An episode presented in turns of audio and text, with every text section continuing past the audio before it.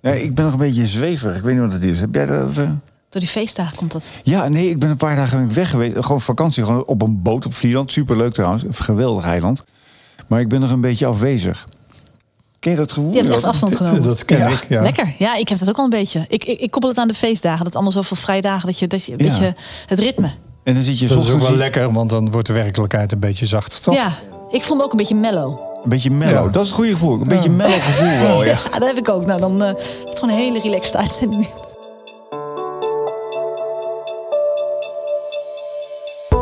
Onze wereld is in beweging. Maar wat er precies gebeurt en waar het naartoe gaat is veel minder duidelijk. Ons vak, de journalistiek, is geneigd om de hardste stemmen de meeste ruimte te geven. Met name op tv. Niets leukers dan twee mensen die het hartgrondig met elkaar oneens zijn. En zo ontstaat een beeld alsof dit land bestaat uit schreeuwers die boos zijn. Maar van het beeld klopt weinig. Wij, Ton Verlind en Frank Dumois, proberen in deze podcast de mist van de regen te scheiden. Eh, misschien moet ik zeggen de zon van de regen, maar dat gaat wat makkelijker. We praten over oplossingen en we praten over zaken die wij heel ingewikkeld vinden. Eh, met als doel om ook weer eens een beetje verbindenis te zoeken. Je luistert naar aflevering 10 van Ons Soort Mensen. Goed, zweverig. Je hoorde net de stem al van Willeke Slingerland, de lector Weerbare Democratie aan de Hogeschool Saxion. Gepromoveerd op wat je zelf eh, netwerkcorruptie hebt genoemd. Daar gaan we straks eh, uitgebreid over hebben.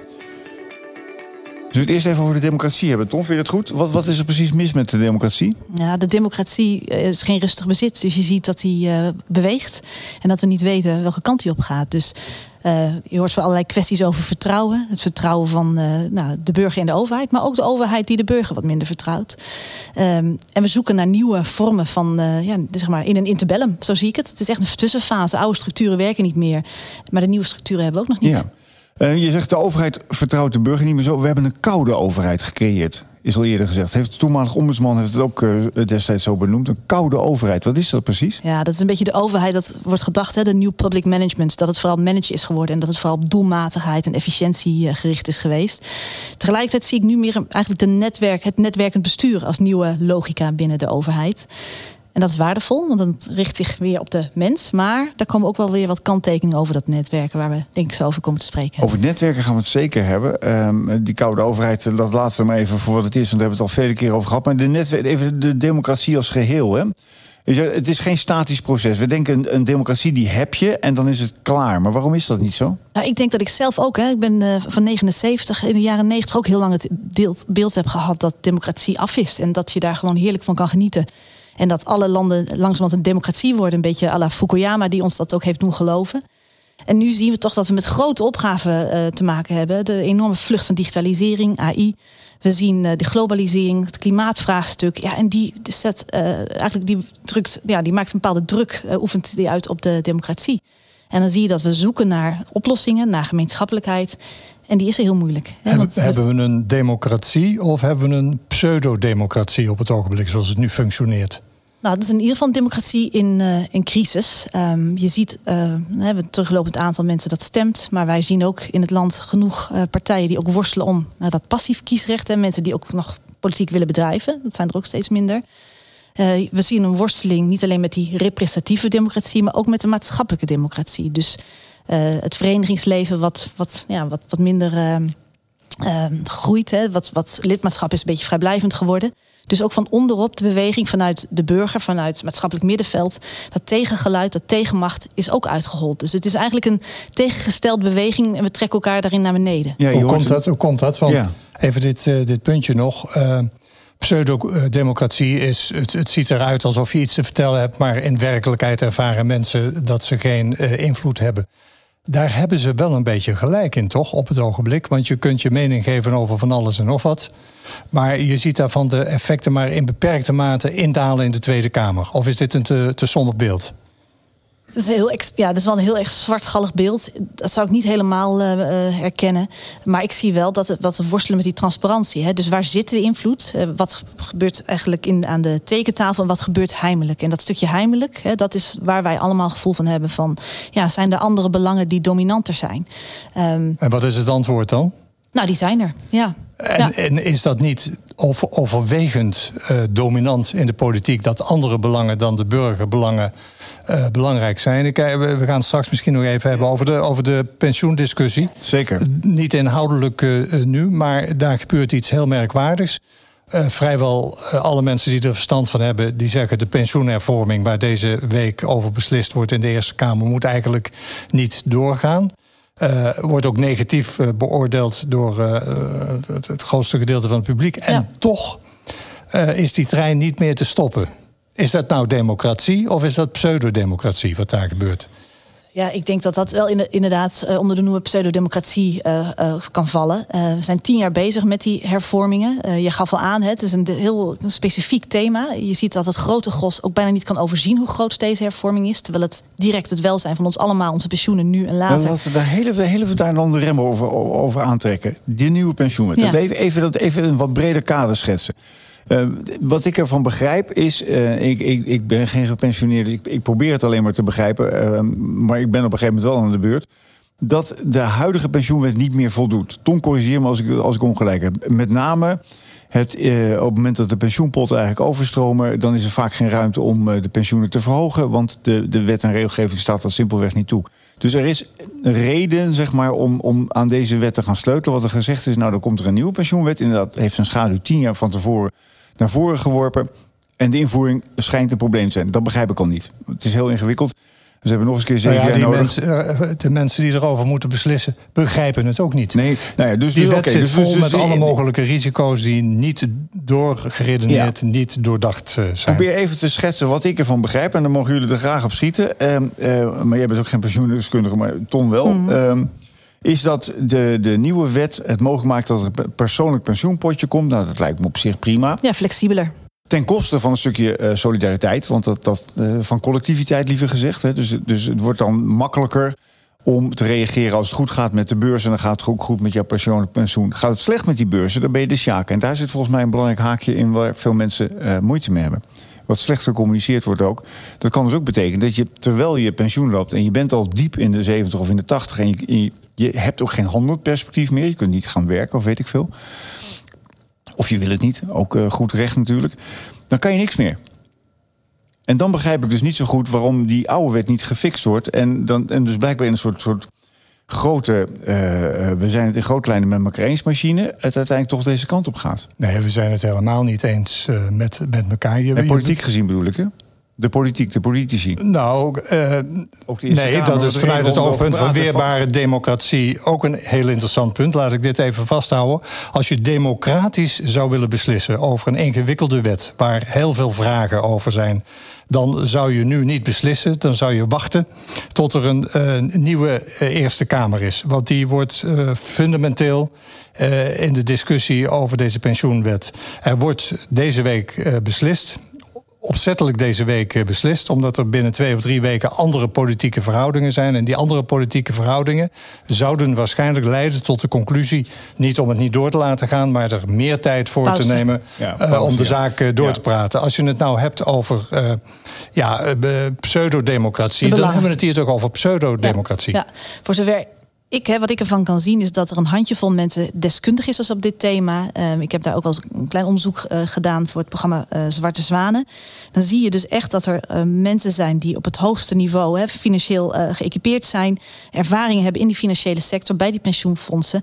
En dat handjevol dat leert van functie en heeft daadwerkelijk aan deze wet gewerkt. Ja, dus de mensen die uh, ervoor zijn om de wet te veranderen, om wat voor Ja. reden dan ook, want dat is ook niet helemaal duidelijk. Nee. Spelen in uh, de voorlichting een belangrijke rol, spelen in de ontwikkeling Technisch van de ontwerp. wetgeving een, een belangrijke rol uh, en, en spelen in de besluitvorming een, een belangrijke ja, maar rol. niet in de communicatie. Hè? Dus dat stuk Nee. communicatie, daar ja, blijf je met lege handen achter. Uh, en ik ben helemaal met je eens uh, dat zo'n zo'n pauze voor zo'n fundamentele hervorming noodzakelijk is. Om het begrijpelijk te maken, om het uit te leggen. Zodat we echt een keuze hebben en de Eerste Kamer echt kan zeggen: we stemmen er wel of niet mee in. Want dit raakt direct de burgerbelangen. En uh, nou ja, er zijn al rond de oude wet staat al zoveel pijnpunten, kinderziektes, waarvan je zegt die moet je eerst tackelen, die probleemanalyse moet je goed doen om te kunnen snappen wat de behoefte is voor de toekomst. En nu wordt het een heel risicovol product. Nou, en we weten van de financiële crisis hoe snel dat kan gaan. Zou je kunnen spreken, want dan kom ik bij het, uh, het, punt uh, netwerkcorruptie. Als je kijkt hoe ingewikkeld deze processen zijn, hoeveel mensen bij het overleg betrokken worden. Uh, hoeveel concessies er gedaan moeten worden om een meerderheid te krijgen. Want hier is een cruciaal punt dat er eigenlijk geen meerderheid is voor de wet in de Eerste Kamer. Dus de, uh, laat ik het onsympathiek zeggen, de oppositie moet omgekocht worden om die meerderheid wel te krijgen. Nou gebruik ik opzettelijk de term omgekocht. Misschien mm -hmm. ben je het daar niet mee eens, want het leidt tot de vraag: is dit een vorm van omkoping? Ten einde tot uh, een meerderheid te komen voor een wet waar geen draagvlak voor is? Of is dit een, een normaal onderdeel van het normale democratische besluitvormingsproces? Hoe, hoe ja, nou, ik zou het sowieso geen omkoping noemen. Omkoping is echt een zware uh, aantijging die echt in het wetboek van strafrecht op, uh, opgenomen is. Maar ik denk dat hier wel een hele zware lobby plaatsvindt. Dus dat het grote belang wat vanuit dit netwerk rondom die pensioenhervorming nou ja, gestalte krijgt, daarin zullen ja, Jan en Alleman ingezet worden om al die mensen die nu kritisch zijn te beïnvloeden. Maar ik, ik, snap dat, ik snap dat spanningsveld niet. Ik vind omkoping trouwens een flauwekul woord. Want het gaat natuurlijk over een oppositie vraagt wat en dan krijgen ze ook iets waardoor ze uiteindelijk in kunnen stemmen. Dus, uh, maar maar waar, waar zit nou de, uh, de lobby? Want wie is nou. Uh, waar, waar zitten incentives in het hele proces? Wie, wie, wie drukt er nu het hardst? Nou, dat is de vraag. Kennen we dit netwerk? Hè? Kunnen we de naam en toename uh, vinden? Uh, ik, heb een, ik heb gezien een handjevol mensen, een aantal wetenschappers, een aantal mensen vanuit de financiële sector, vanuit de banken, een aantal mensen vanuit ministeries die aan die wet hebben gewerkt. En die kennen elkaar en die hebben ook gerouleerd in functies. Die kunnen heel veel pet op combineren. Geven ook aan dat dat nodig is, juist vanwege de hele specialistische kennis die, die, die nodig is. Maar als je het hebt over het hele idee van ben je als, als premiebetaler, ben je als pensioengerechtige geconsulteerd heb je kennis genomen van het, het andere geluid. Dat is in het hele proces, voor zover ik heb kunnen zien, niet gebeurd. Dus het is een eenzijdig uh, gekunstelde wet.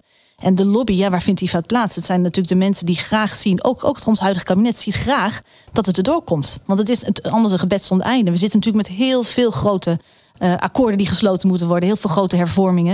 Op het moment dat er niks van de grond komt, ja, daar zit daar ook een, een nou, bijna prestige-aangelegenheid. Ja, en, die, en, die, en, de, en de lobby waar jij het over hebt, uh, zijn verzekeringsmaatschappijen in belangrijke mate vertegenwoordigd. Hè. Die, er is een, een, lobbyclub die heet Netspar. Mm -hmm. Netspar die wordt voor een deel gefinancierd door uh, verzekeringsmaatschappijen. Verzekeringsmaatschappijen hebben een bepaald belang bij de, bij de uitkomst. Uh, daar heeft de Nederlandse bank een dominante rol in. De Nederlandse bank heeft uit wat voor overwegingen, waarschijnlijk prestigeoverwegingen, maar ook andere overwegingen, een belangrijke rol in de ontwikkeling van. Uh, uh, deze wetgeving. Die mensen kom je steeds ja, uh, tegen in dit ja. circuit. Die, die zorgen voor de communicatie. Hebben ook wetenschap. Die, die worden, ook... De wetenschap zit ja. erin, maar ook in een dubbelrol. Want de wetenschap adviseert van de ene kant. Uh, en, en speelt dan ook weer een rol in de opiniëring. een mooi voorbeeld, Frank, we hebben het nogal eens over de rol van de media. Trof ik een aantal maanden geleden aan toen het Algemene Dagblad heel pontificaal melden. Er komt steeds meer steun voor uh, deze controversiële wetgeving. Het uh, politieke klimaat is ten gunste aan het veranderen. En wie voerde zij op als woordvoerder om dat duidelijk te maken? De mensen die deze wet ja. hebben mede ontwikkeld. Maar zo'n wet kun je toch ook zien als prestigeproject? Wij van WC Eend adviseren WC Eend. Ja. Heel slim. Is dit nou een schoolvoorbeeld van netwerkcorruptie? Nou, het is in ieder geval, wat ik, wat ik nog even wilde zeggen, het is een voorbeeld van een prestigeproject. En op het moment dat je al zoveel uh, energie erin gestoken hebt, er zelf zo in bent gaan geloven, en dat is het idee van netwerken, dan neem je die kritische geluiden ook niet meer waar. Ik denk dat, dat er ook een, een stuk, um, uh, wat ik dan noem, hè, ethische blindheid uh, ontstaat. Dat je gewoon denkt, ja, maar dit, ze hebben niet door hoe belangrijk dit is. Hè. Dus er zit een soort ja, weten. Maar tunnelvisie eigenlijk. Tunnelvisie, maar door die netwerken, de willful blindness, die juist niet bij het individu, maar in dat netwerk ontstaat. Dus het netwerk ja. versterkt elkaar in ongelooflijk het belang hiervan, hoe groot het is. Um, en dat zij een, een, vorm van weten hebben die wij verder allemaal niet. Uh, niet uh, Jij bent hebben. de uitvinder van het woord, uh, de, het woord netwerkcorruptie. Ja. dat we toch even daarbij goed bij stilstaan. Wat is dat precies? Nou, ik, netwerkcorruptie is het, de netwerken die ja, eenzijdig van samenstelling zijn, dus veel gelijkgestemden. En dat zijn netwerken waarin uh, wederkerigheid, solidariteit, loyaliteit hè, als waarden absoluut worden. Dus jij bent er voor het netwerk en het netwerk is er voor jou. Het zijn netwerken met een gedeelde mens- en wereldbeeld. Uh, waarbij het kritische geluid verdwijnt en die netwerken sluiten zich. En dat is eigenlijk, hè, wat noemen ze dan die emergentie, dat is iets wat na verloop van tijd gebeurt. Uh, en ik heb die term geïntroduceerd omdat ik zag dat wij in Nederland gewoon worstelden met uh, nou ja, de moraliteit van gedrag. En we kijken heel vaak met een strafrechtbril naar gedrag. En uh, dan kijken we naar is het individu wel of niet uh, schuldig aan Sorry, een bepaald maar je, feit. je bedoelt dat zolang het niet, niet strafbaar is, dan kan het. Ja. En ik, ik merkte gewoon dat ik denk, ja, we zitten met grote vraagstekens. Kijk naar alle parlementaire onderzoeken van de financiële crisis, de woningcorporatiestelsel, nu aardgaswinning, toeslagenaffaire. Hele waardevolle reconstructies. Het is tragisch dat zulke zware uh, nou ja, onderzoeken nodig zijn om de waarheid uh, boven water te krijgen. Um, en in die, in die onderzoeken wordt heel duidelijk dat je weinig individuen kan betichten van individueel hè, fout Gewin. gedrag of zelfverrijking, persoonlijk gewin. Maar dat ze met elkaar wel netwerkbelangen hebben gediend. En dat, dat, dat die netwerkbelangen zo dominant zijn geworden in het denken en doen van al die betrokkenen. Het zijn allemaal sleutelfiguren, mensen Ja. met invloed. Maar even om het heel, heel precies te zijn. Dus het, het element corruptie zit in dat laatste aspect. Namelijk dat je, dat je als onderdeel van het netwerk mee profiteert als het hele netwerk het goed doet. Ja, de corruptie zit hem in het feit dat het sluit en dat er een wederkerigheid in het netwerk zit, maar het zit hem vooral in het collectief gedrag. Dus het netwerk is een actor, is de speler die corrupt wordt en niet de individu zelf.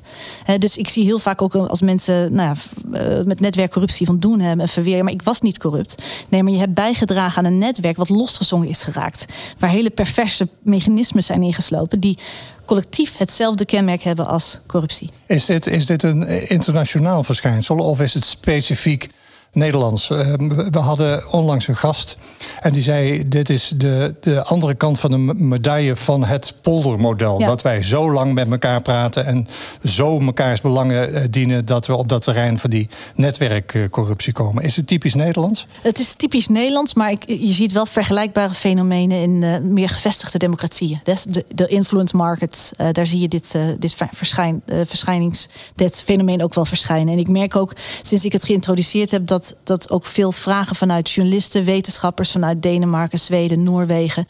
Ik kan niet altijd lezen als ik de kranten dan daadwerkelijk eh, zie. Of het inderdaad recht doet aan de term zoals ik hem ooit bedoeld heb. Maar het eh, wordt in ieder geval in Scandinavië, Engeland, Duitsland, Nederland herkend. Betekent dat dat het poldermodel zich tegen ons aan het keren is? Ja, ik zie wel duidelijk een link met het poldermodel. Ehm, ook vanuit eigenlijk de ontzuiling. Dat je ziet dat vroeger de belangen van onderop, hè, de haarvaten, iedereen zat vanuit de zeil in de haarvaten van de samenleving. En dat ging naar boven, die belangen werden behartigd. En in eh, nou, de polder eh, ontstond er een compromis.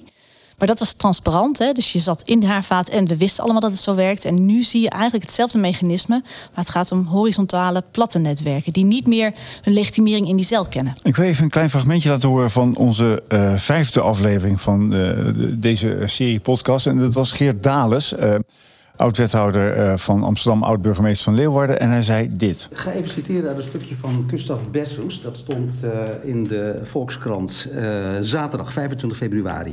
En dat gaat precies hierover. Die zegt, wat is nou het probleem?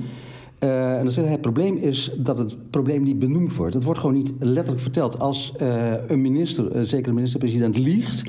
dan heet dat een gebleken onwaarheid. Dus het woord liegen wordt niet gebruikt.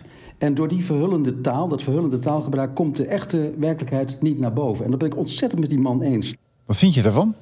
Het statement. Daar kan ik wel in, in meegaan. Ja, ik denk, al, taal doet het toe. En dit is allemaal verhullend taalgebruik. En het verhult ook eigenlijk hoe de, hoe de hazen lopen. Want Ja. dat, dat vind ik altijd zo belangrijk. Als je ook eh, naar eh, die berichtgeving kijkt eh, van, van eh, Shell die geholpen is aan een flinke subsidie voor een waterstoffabriek. Shell kwam er niet uit. Ja, maar Rutte en een paar ambtenaren wel. Die wisten wel een paar hazenpaadjes. Ehm, ja, dat, dat, dan kan je zeggen, Rutte wordt er zelf niet beter van. Maar, en dus, dus valt het niet binnen de strafrechtelijke definitie van, van, van, van corruptie. Maar het denken en het doen eh, doen mij eh, wel de haren te bergen reizen. Jij zegt nu gemakshalve, maar ik wil jouw oordeel daarover horen. Eh, we twijfelen niet aan de goede bedoelingen van Rutte, want hij wordt daar niet beter van. Dat is natuurlijk nog maar de vraag, want je moet je handhaven.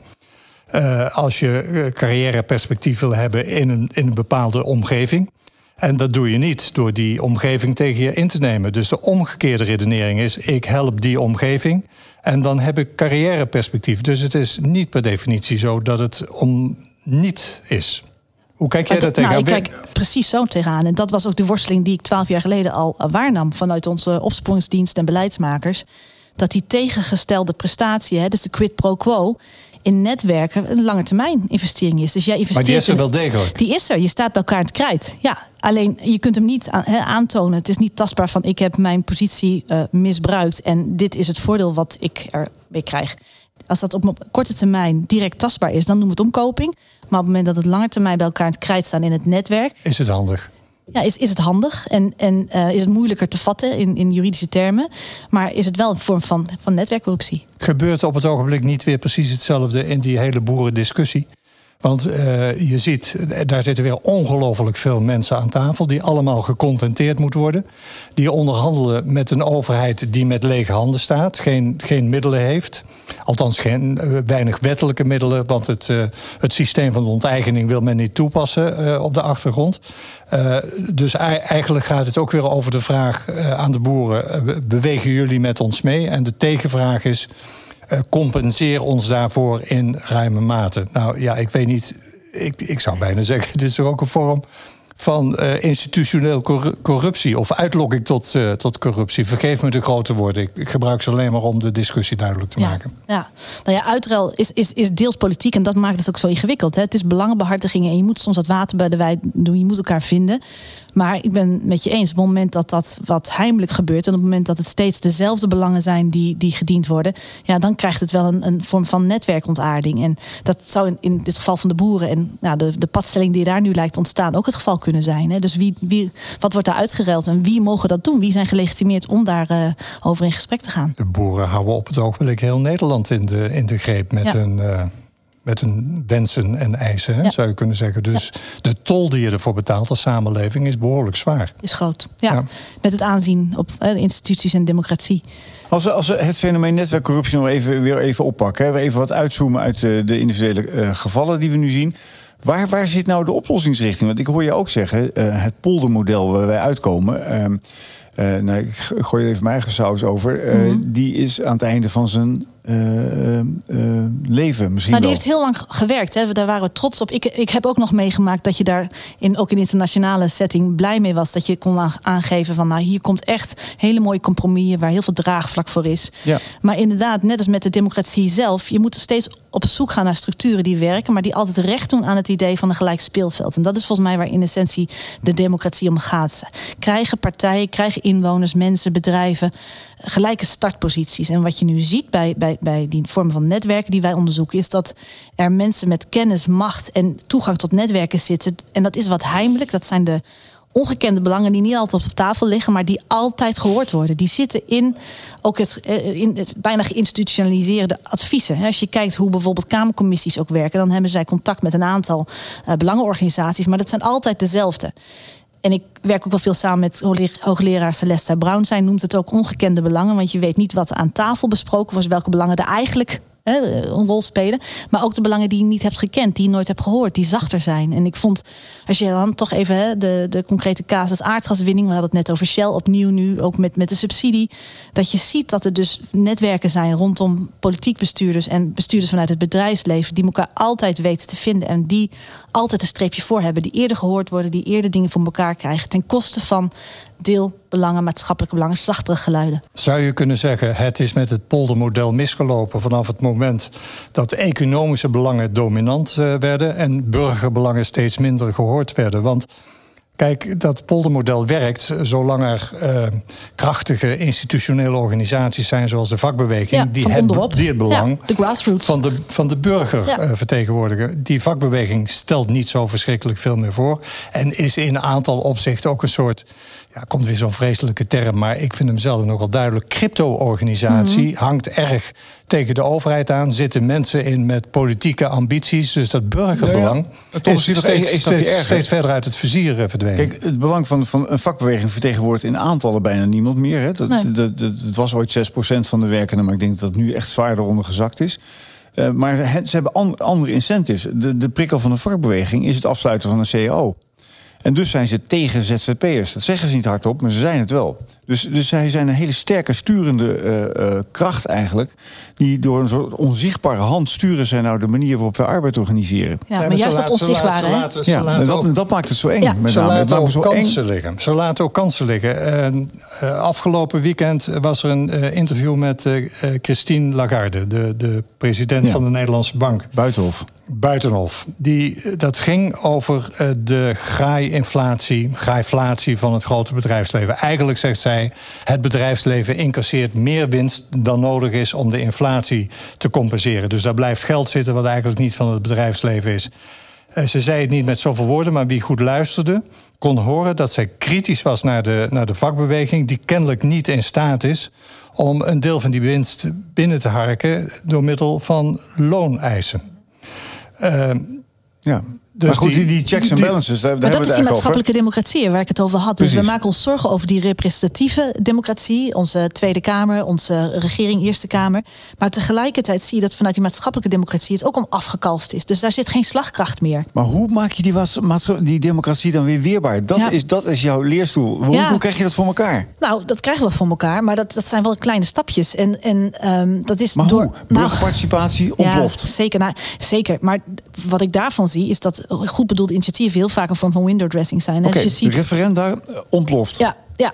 Nee, je hebt het nodig. Hè? Dus die nieuwe vormen van burgerberaden. Dus dat je echt aan de voorkant mensen, een, een dwarsdoorsnede van de samenleving, uh, betrekt in besluitvorming. Maar dat moet op een veel eerder stadium. En wat mij betreft moeten we uh, veel meer zicht krijgen op waar onze bestuurders landelijk, we hebben het heel erg over landelijk, maar ook lokaal, in welke netwerken zij zelf zitten. Dat gesprek hebben we veel te weinig. Ik heb heel veel politieke partijen in Nederland gesproken uh, bij de provinciale verkiezingen, bij de gemeenteraadsverkiezingen.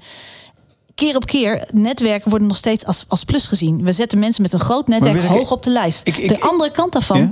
Er wordt helemaal niet over gesproken. Dat je dus ook voorzichtig moet zijn. En wanneer zet je je netwerken in en wanneer niet. Oké, belangrijk, snap het, voorkomen. Maar die tweede kant is het empoweren van een stem geven van al die mensen die nu geen stem hebben. Maar het is een kip-en-ei verhaal. Hè?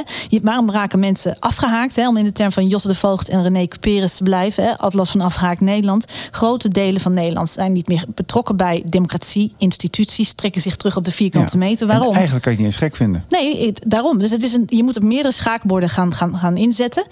Um, het is heel makkelijk vanuit een hogeschool. Kunnen wij natuurlijk rondom burgerschap van alles doen. Hè? Dus eh, echt weer terug naar de vraag van ja, een democratie. Um, ja, wie draagt de democratie? Dat zijn wij met elkaar. Maar hoe krijgen mensen een stem? Nou, ik, ik, mis, ik mis een belangrijk element in dit uh, pleidooi. Uh, je zegt we zouden beter zicht moeten hebben wie er in, de, in, mm -hmm. in, welke lobbygroepen zitten. Nou ja, dat kun je met registraties. Nou, niet in lobbygroepen, maar gewoon vertegenwoordigen wij een dwarsdoorsnede. Hè? Wat, ja. wij, wat wij doen is letterlijk gewoon netwerkbeelden maken. Dus als jij een politieke partij bent, je opereert lokaal, wie heb je op de lijst? En er wordt natuurlijk wel nagedacht over inclusie, maar dan gaat het vaak niet verder dan etniciteit, seksuele voorkeur. Hè? Dat, dat verstaan we onder diversiteit. Maar in welke structuren zit jij lokaal? Die vraag, daar met elkaar het gesprek over aangaan, daar begint het. Want je wilt het verschil gaan maken, het netwerkbewustzijn, in die, in die representatieve democratie. Ik, ik mis in deze hele discussie de, de oproep aan het weldenkend deel van uh, bestuurlijk Nederland om weer leiderschap te gaan uh, tonen. Hè? Want als er ergens iets misloopt, is er een standaard pleidooi dat er protocollen en regels moeten komen. Nou, daar zijn we al 10, 15 jaar mee bezig. Dat lost het niet op. Hoe is het gesteld met het leiderschap in, uh, in ja, Nederland? Ik was nog niet klaar, want het, het, is geen quick fix. Hè. Dus daar, wat ik zei, je moet op, echt op meerdere sporen nu gewoon uh, uh, nou, interventies ontwerpen. Dit is er één. Het tweede is, om nog even, Frank, op jouw vraag terug te komen, het, het burgerschap. Wat je echt moet zorgen is dat, dat de grote gros van de samenleving weer het gevoel heeft: ik, ik, ik doe het toe, ik kan wat. Wij kunnen dat doen met studenten, wij doen dat met de ROC's, wij doen dat met onze eigen studenten. Dat je ook die nieuwe generatie, dat die actieve houding weer aandeert, laat zien dat dat leuk is, dat ze wat kunnen. Dus daar zijn wij heel druk mee. Maar dat vraagt ook om taal. dus je moet taal en, en, en vaardigheden en niet alleen kennis van hoe het staatsrechtelijk georganiseerd is. Je moet um, ze heropvoeden in democratie, begrijp ik. Nou, dat het niet vrijblijvend is.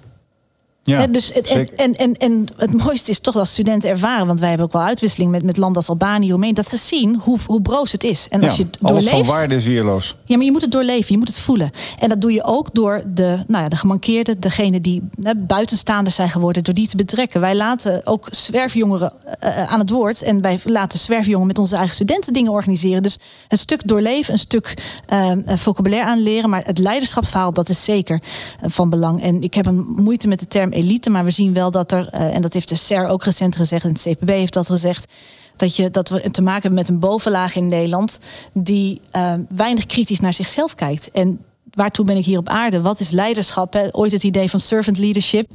Uh, ben ik dienend of dien ik enkel een deelbelang?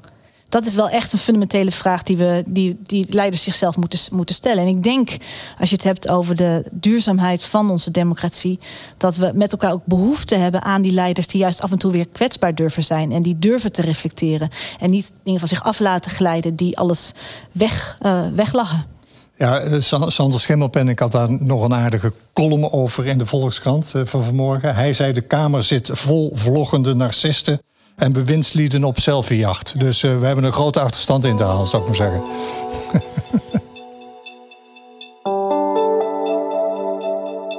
Fifty percent of AI researchers believe there's a 10% or greater chance that humans go extinct from our inability to control AI. Is een fragment van twee, eh, twee mannen die een, eh, een keynote speech gehouden hebben, die ook op YouTube staat. Dit zijn de twee mannen die de Social Dilemma, de, de serie op Netflix, hebben gemaakt. Eh, over de gevaren van sociale media, alles wat daar ontspoort is. Tristan Harris en Asa Raskin, zo heten die twee. Ze hebben ook eh, een brief eh, mede ondertekend die oproept tot een moratorium op de ontwikkeling van kunstmatige intelligentie. Want daar gaat dit fragment over. Ze zeggen dus dat van de mensen die actief aan de ontwikkeling van kunstmatige intelligentie werken, 50% ervan overtuigd is dat er een 10% kans is dat de mensheid verdwijnt, uitgegroeid wordt. Um, en dan maken ze het vergelijking in, in, in deze film. Het is een film van een uur waarin ze staan te praten. Het is echt, echt een aanrader. Het heet de AI eh, Dilemma, zo heet de, de speech. Dan maken ze een vergelijking met een vliegtuig. Dan zeggen ze: Zou jij in een vliegtuig stappen als je weet dat er een 10% kans is, dat zeggen de mensen die het vliegtuig zelf gebouwd hebben, dat het ding neerstort? No way. Dus ze zei: Wij zijn nu iets aan het bouwen. We, zijn nu, we zitten nu midden in een ze hebben het over een exponentiële ontwikkeling op een exponentiële ontwikkeling. Voor degenen die niet goed waren in wiskunde, waaronder ik. Mm. een exponentiële ontwikkeling betekent dat alles heel snel. maal 2 of maal 4 gaat, maar verdubbeld op verdubbeld op verdubbeld. En dit is dan nog een verdubbeling op een verdubbeling. Dat is ongeveer de snelheid waarmee het nu gebeurt. Nou weet jij er toevallig ook veel van. Sterker nog, jij riep ook op in een column ja. om eens even de pauzeknop eh, in te drukken als het erover gaat. Nog een pauzeknop. Hè? Want ik moet denken, ja, vergeleken met dit verhaal valt die pensioenhervorming nog wel mee. Hè? Als, het, als het hebben over uh, nou, de totale vernietiging van de mensheid als, als potentieel risico, dan is pensioen. Nou ja, bij wijze van spreken luxe. Ja, ik, die pauzeknop als, als metafoor, ik denk dat dat een hele belangrijke is. Het moment dat je met zulke complexe, grote vraagstukken zit, dilemma. Maar een dilemma doet al eigenlijk voorkomen alsof het heel tastbaar is. En volgens mij is het niet eens zo tastbaar. Volgens mij kun je bijna de voor- en tegens kun je maar op een beperkte mate overzien. Dus je hebt nog veel meer denkkracht nodig om die voor's en tegen ook op de lange termijn te kunnen overzien. En dat is volgens mij ook wel wat, wat Hinten, hè, de voormalige AI-deskundige bij, uh, bij Google ook zei. Uh, ja, we moeten echt ook uh, nou ja, de geestes- en de gedragswetenschappers gaan benaderen. Niet alleen de techneuten die weten wat er technisch mogelijk is, maar vooral wat zijn de implicaties voor onze samenleving, voor onze beschaving voor onze democratie en rechtsstatelijkheid. Ja, ze, ze pakken een aantal voorbeelden. Wat ze, wat ze vertellen in, uh, in, in, in deze presentatie is dat als je kijkt naar waar we nu zitten, is eigenlijk kunstmatige intelligentie 1.0. Dat zijn algoritmes die bepalen wat jij op social media te zien krijgt. Dat is eigenlijk een koekenbakker simpele variant daarvan van waar we nu mee te maken hebben. Als je dan uh, nagaat waar dat voor gezorgd heeft, er sommen een aantal dingen op. Dus, dus nogmaals fase 1.0 eigenlijk van die hele ontwikkeling. Verslavingsproblematiek, informatieoverload. Ik weet niet hoe je dat in het Nederlands zegt. Q1'en, dus echt, echt gewoon de, de, de cookie-knettergekke uh, uh, complotdenkers. Polarisatie, fake news, breakdown van onze democratie, enzovoort, enzovoort, enzovoort, enzovoort. En dan zeggen zij, waar wij nu mee te maken gaan krijgen... is dat nog dit jaar het totale onderscheid tussen nep en fake verdwijnt. En dan heb je het over foto's, dan heb je het over video's, dan heb je het over stemmen. Ze laten zien dat een fragment van een paar seconden van jouw stem, van mijn stem, jouw stem, is al voldoende om jouw stem compleet na te maken. Stel je voor, je wordt gebeld en je hebt je kind aan de lijn. En die zegt, papa gaat met je. Ja, goed. En die, die computer, dat, is, dat, dat, dat, dat gesprek gaat heel natuurlijk. Dus daar ontstaat een Mag ik daar een dialoog. vraag over stellen, Frank? Want het, het is wel duidelijk op welk punt het aan het, uh, aan Nee, maar die, het dus, dus die, stem, die stem is dus volledig Ja, nep, hè? ja. Dat gesprek Ja, dat- is dat volledig en die reageert op wat jij zegt. Echt Dat weten we, maar hoe denk je dat tegen te houden? Want die ontwikkeling is, eh, is gaande. U kunt even op de pauzeknop eh, drukken, maar dan denk ik niet dat in al, al die laboratoria waar het gaat om zulke grote belangen deze ontwikkeling eh, gestopt zal worden. Eh, hoe denk je dat tegen te kunnen houden, überhaupt? Nou, de voortgang moet je niet tegenhouden, maar ik denk dat de goede vraag van Nou jou ja, is. weet je, de- dat is eigenlijk de vraag: gaat de technologie voorop en volgt de democratie? Of blijft de democratie leidend en moet de technologie de democratie volgen? En met zoveel onbekendheid hè, eh, ga- gaat, wat mij betreft, het voorzorgsprincipe op. En moet je dus reguleren? Moet je de big tech, degene die dit bedenken, de happy few die dit kunnen overzien, die moet je dwingen om hiermee te stoppen. Dus die mogen dit niet ongebreideld, net als giftige stoffen, in ons systeem lozen. Om dan maar even de, de metafoor vanuit het milieurecht te gebruiken. Daar zit nu nog een mogelijkheid. Dus je ziet ook dat de Europese Unie nadenkt over regulering. En tegelijkertijd weet ik vanuit mijn focus op netwerken dat Big Tech natuurlijk alles doet om die regulering zo, ja, zo mild mogelijk te maken. Dus. Ehm, Ja, maar het is wel genuanceerd. Dat laatste is wel genuanceerd. Google bijvoorbeeld, die, die, hadden al, die, die zijn bijna de uitvinders hiervan. Die hebben Ja. wel degelijk op de pauzeknop gedrukt en zijn nu pas gekomen in Amerika, ook nog niet in de EU. eh, met met eh, een, een, een knijtergoeie variant van eh ChatGPT. Mhm. Althans, dat zeggen de reviews. En, en die gaan nu met watermerken werken. Dus alles wat als fake, Fake zeg is- maar, is eruit- herkenbaar. is Ja. herkenbaar en traceerbaar. Ja. Ja, nee, zeker hoor. Kijk, je, ziet wel een stuk bewustzijn, eh, en dat zie je ook bij de, bij de AI-ontwikkelaars zelf, eh, dat sommigen ook die angst hebben en ook die brief ondertekend hebben. Dus het is, het is absoluut niet zo dat ze ongebreideld alles willen doen. En tegelijkertijd ja, weet ik weer vanuit mijn eigen onderzoeken dat bij de totstandkoming van de laatste eh, richtlijn in de Europese Commissie er wel heel veel gelobbyd is, heel veel ruimte is geboden nog steeds om bijvoorbeeld wetenschappelijke conferenties nog steeds te financieren. Hè. Dus er zit nog steeds veel, heel veel invloed op andere vlakken. Eh, nou, en dan weer de, de vergelijking met de pensioenwet net. Van met wie heb je nu van doen? Hè? Hoe onafhankelijk is de kennis? We Hè, hadden ook bij er wetenschappers en We journalisten. hadden het er net over hoe krachtig de lobbycratie Ja. is en hoe moeilijk het is om daar gri- Ja. grip op te krijgen. En aan die lobbycratie vraag je om een halt toe Ja, te roepen aan deze Exact. ontwikkeling. En, maar toch is dat de enige manier. Maar ja? ook hier geldt weer opnieuw. Wij ook eh, in het onderwijs, eh, want daar, dat zijn de burgers van morgen, dat zijn de, de professionals van morgen. Ook die digitale geletterdheid van het kunnen snappen wat dit is, maar hier ook ja, op, op kunnen reflecteren van is dit wenselijk of niet. Die vraag moet je ook blijven, blijven voeden in het onderwijs. en niet maar alleen. jij geeft les. Ja, Jij kunt toch al het onderscheid niet meer zien of die scriptie geschreven is door ChatGPT 4.0 of door de leerling nauwelijks, zelf. nauwelijks. Nauwelijks. Ja, en wij hebben natuurlijk ook wel onze protocollen nu en onze handreiking ook voor, voor docenten van wat mag wel, wat mag niet, in welk stadium. Wij kunnen, als je het hebt over schrijfvaardigheid, is dat heel moeilijk om daar nog uitspraak over te doen. Heel veel eindproducten in de vorm van essays, scripties. Ja, want ik lees dat nu, nu bewust eh, de, eh, studenten dan maar een paar D's en T's eh, erin veranderen en fout zetten. Dus dat Omdat het weer echt lijkt. Ja. Ja. Frank, nog een beetje waar, maak jij je zorgen over? Je, je, zit, je zit behoorlijk fanatiek in, de, in deze discussie. ja, ik maak je, me hier enorme zorgen je, over. je hebt iets gezien en Ja. daar citeerde je net uit. En zei ja, dat heeft mijn blik op deze problematiek fundamenteel eh, veranderd. Waar zit dan precies jouw angst? Wat zou er mis kunnen lopen? Ik heb die AI-dilemma gezien en ik was geschokt. Ik heb het met mijn hele gezin gezien. We hebben meer dan een uur zitten napraten. We waren allemaal, en ik zelf Maar ook, geschokt waardoor? Geschokt op het bot. Omdat je praat over een technologie die, de, die wel degelijk de, de potentie heeft om de mensheid te vernietigen. Heel Ja. gek, heel gek, misschien een abstract voorbeeld, maar dat is het helemaal niet. Stel je voor, ik zeg. Ehm, dus dus alle, alle algoritmes werken met een probleem wat je, het, wat je het algoritme voert. En dan komen ze met een oplossingsrichting. Stel dat je zegt, ik vind dat in mijn leefomgeving heb ik behoefte aan meer eh, rust en ruimte. En de eh, AI, het, het, het, algoritme, kijkt dan uit die database waar hij de beschikking over heeft, dat de best werkende oplossing is, is minder mensen.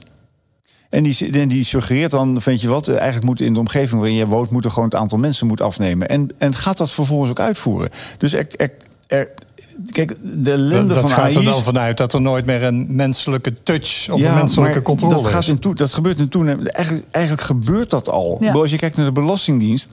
Waarom zitten we in die hele toeslagenellende? Omdat er een algoritme bepaalde... eruit. Ja, dat er bepaalde mensen een hoger risico hadden op frauderen. Dus die mensen rolden eruit en waren potentieel verdacht. En daar zat al geen mens meer tussen. Ja, en ik denk dat, want je begon je verhaal over dat, dat, dat er straks gewoon het onderscheid tussen fake en, en echt, dat dat niet meer te maken is, ondanks alle watermerken en dergelijke. En dat is volgens mij de grootste risico dat we het, het gemeenschappelijke in onze samenleving, onze beschaving, beschaving kwijtraken. Namelijk die gedeelde kijk op de realiteit. Je, kunt, je hebt wel een soort gedeeld feitenrelaas nodig om met elkaar te kunnen samenleven. Op het moment dat dat echt niet meer van onecht te, te scheiden is, dan raak je in essentie datgene wat, wat je verbindt kwijt. En dat is volgens mij het, het grote zorgelijke verhaal hier aan. Dat, we, dat niets meer te vertrouwen is. En mensen elkaar ook niet meer vertrouwen. Wat ze, wat ze ook zeggen is dat communicatie is natuurlijk, hè, dus taal, liever gezegd, taal is, is de manier waarop wij ons verhouden tot elkaar. Taal is ons middel waardoor wij elkaar kunnen begrijpen of, of nou ja, in ieder geval dat, dat iets gebeurt.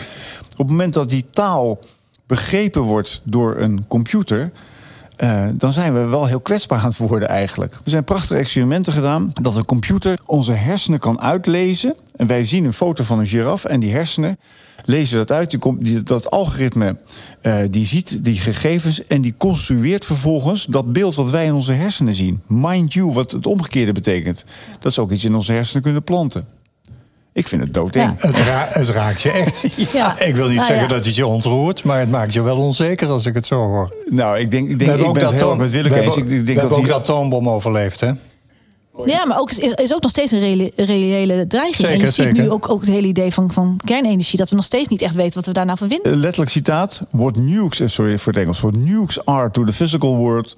AI is to the virtual and symbolic world vrij vertaald wat, uh, wat, wat nucleaire wapens zijn voor de, betekenen voor de fysieke wereld, betekent uh, kunstmatige intelligentie voor de uh, de virtuele en de symbolische wereld. Ik weet niet zo goed wat ze met het laatste bedoelen. Maar... Nou, en wat, ik, wat mij dan ook nog triggert, hè, ik moet altijd denken aan de, het voorbeeld van destijds Diederik Stapel en zijn de pseudowetenschap en de plagiaten. Dat toen de grootste zorg was, je kunt alle artikelen van, van deze hoogleraar uh, intrekken, maar het heeft al zoveel voeding, data uh, opgeleverd voor al het andere. Je kunt dat, het is allemaal verontreinigd. En dat is volgens mij wat je ook met AI heel erg hebt. Van je kunt het bijna niet meer terugdraaien op het moment dat het, dat het helemaal. Nee, je kunt het systeem letterlijk, letterlijk over, over, laten over vloeien met nepnieuws. Je hebt, je hebt uh, jou, in jouw uh, column een uh, pleidooi gehouden om inderdaad, wat Frank zei, die pauzeknop in te drukken. wordt er gereageerd op zo'n column? Ja, enorm. Ja. Ook, Terwijl... ook vanuit de politiek? Uh, vanuit de politiek nog niet zozeer, maar wel vanuit de collega-wetenschappers. Uh, universiteiten, ROC's, hogescholen. Uh, en ook wel de behoefte om een aantal van deze bijeenkomsten te organiseren. Om met elkaar echt die denkkracht aan te wenden. Van dit moet je niet monodisciplinair doen. Je hebt hier echt vanuit heel verschillende expertises de denkkracht nodig. En dat zijn we eigenlijk volgende week al van plan. En denk je dat het, dat het realistisch is om even een rem te zetten op deze ontwikkeling. Uh, ook als je kijkt uh, welke economische power erachter zit. Ja, dat, om, voor die bezinning waar jij. Nou, dat is precies die rode draad volgens mij in ons gesprek. Of het nou gaat over Shell en, en de fossiele industrie. Uh, of AI en, en de big tech kunnen we met elkaar zeggen: deze grote economische belangen die zijn zo dominant in ons denken, zijn zo dominant in onze macht gekropen. Moeten we überhaupt daar niet een pauzeknop voor initiëren?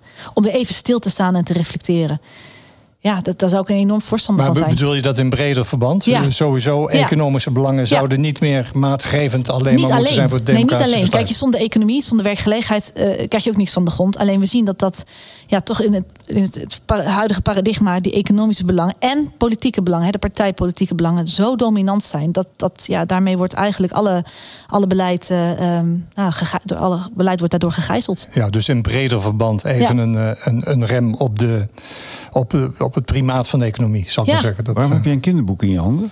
Dus uh, nou, een beetje, ik om, om, om, jou, om jou een beetje gerust uh, te oh. stellen. Want, ik zie uh, superheld, ik zie superheld achterop. Dat je hebt naar de YouTube gekeken en je belde me daar onmiddellijk daarna al over op. En zei je moet ook kijken, want het heeft, nou ja, wat we net al zeiden... fundamenteel mijn visie op deze problematiek van AI gewijzigd. Ik dacht, ik ga je opbeuren aan het eind met, met beschrijf jij eens voor de mensen die zitten te luisteren wat ik je nu gegeven heb. Ik zie een, uh, wat is het voor een gek beest? De avonturen van Super...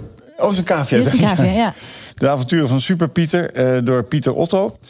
Um, dit is een boekje met uh, plaatjes en teksten. En een verhaaltje, denk ik, met allemaal dieren erin. Ja, En zat- de auteur is Pieter Otto. Ja? Hij is negen jaar en heeft eh, deze week in een plaatselijke boekhandel in Hilversum dit boek gepresenteerd. En dat is helemaal met artificiële intelligentie in een paar minuten tijd gemaakt. Ach, hoe vind je dit? Schattig, toch? grappig. Ja, hij zit in groep 5 van de Fabricius School in Hilversum, zie ik. Oh, wat, eh, wat grappig. Dus, dus van de atoombom naar dit kinderboek is wel Ja. een hele stap, hè? Nou, ik vind, ik vind het mooi. Zullen we tot slot dan even nog wat, wat, wat in deze positieve eh, vibe blijven eindigen? Ehm, ik, zal, ik hoorde nog een heel mooi verhaal eh, in eh, de podcast van de NOS heet De Dag. En daarin werd de directeur van de nieuwe verbouwde bibliotheek van Utrecht werd daar geïnterviewd. De bibliotheek is ook een plek waar je jezelf kan, eigenlijk kan verenigen. Hè, waar je eh, samen kan ontdekken hoe je je stem kan formuleren, hoe je kan organiseren. Hè, dus eigenlijk actief burgerschap, iets wat we gewoon hard nodig hebben in onze maatschappij de komende decennia. Daar is ehm, eh, de bibliotheek ook een plek voor, voor inspiratie, maar ook een podium en misschien ook wel een soort gids in zelforganisatie. Ja, wat vind je ervan? Ja, mooi. En eh, ik ben daar deels zelf ook al mee bezig eh, vanuit eh, Weerbare Democratie. Dus de bibliotheek weer als, als huiskamer. Hè? Dus dat je zegt het is niet voor een handjevol. eh het is voor iedereen. En je ontmoet elkaar. Daar kom je weer laagdrempelig tot eh, nou, het goede gesprek. Eh, daar kunnen debatten worden georganiseerd. Maar heel erg ja, vanuit een brede kijk op, op burgerschap. Dus diversiteit alom. Ja, maar een soort huis van de democratie eh, 2.0. Ja. Dat zou het kunnen zijn. Ja, ja dat, en dat doen heel veel bibliotheken. hè. Er zijn echt heel veel mooie Gebeurt al, initiatieven. ja. Ja. Ja, ik vind dat heel positief. Want ik zie het ook. hè. Ik woon zelf dan eh, in Deventer ook met een prachtige nieuwe bibliotheek. Dat ieder, de een drinkt een kopje koffie, de ander leest de krant. Jongeren maken er hun huiswerk. Dat is wel ja, de ontmoeting die, je- die je hoopt te realiseren. En dat mag dan wel wat meer.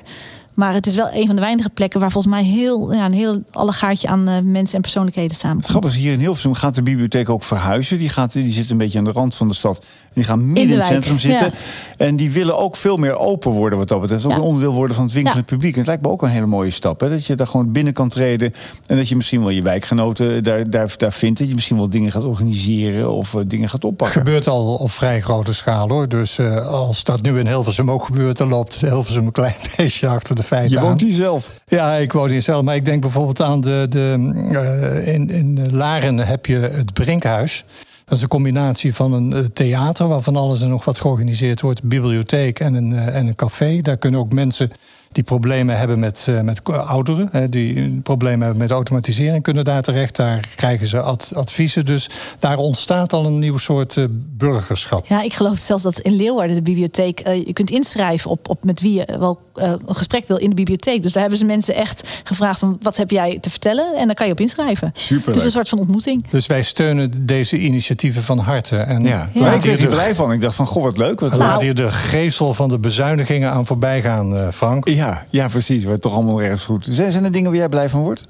Eh, ja, toch het werken met jongeren. Ja, dat is waar ik heel blij van word. Ik zie ongelooflijk veel energie en denkkracht. eh, en ik eh, zie heel veel lol en ik zie heel veel bereidwilligheid om, eh, ja, om zich in te zetten voor de goede dingen. Heel veel jongeren hebben enorme grote idealen die echt gaan om eh, de grootste zaken als, als klimaat, milieu, asiel. Dus ik zie niet alleen maar een generatie die verslaafd is aan mobieltjes en consumeert. Echt niet. Mooi. Ton, tot slot, waar je blij van wordt? Ik werd hier blij van, voor deze mededeling. Want dat, dat was mijn vraag eigenlijk. Eh, Ja. Er bestaat ook een negatief beeld van jongeren, maar jij hebt een heel ander eh, beeld. En Ja. jij zit er dichtbij, dus ik eh, ga ervan uit dat dit klopt. En daar word ik blij van. Willeke Stingeland, lector Weerbare Democratie in de Hogeschool Saxion. Hartelijk dank dat je hier was. Ja, Heel fijn, leuk dat dankjewel. komen. Dankjewel. Je hebt eh, geluisterd naar aflevering 10 van de podcast Ons Soort Mensen. Vind je dit een leuke podcast? Abonneer je dan in je favoriete podcast-app op eh, deze podcast. Kost niks, levert een hoop op. Dank voor het luisteren.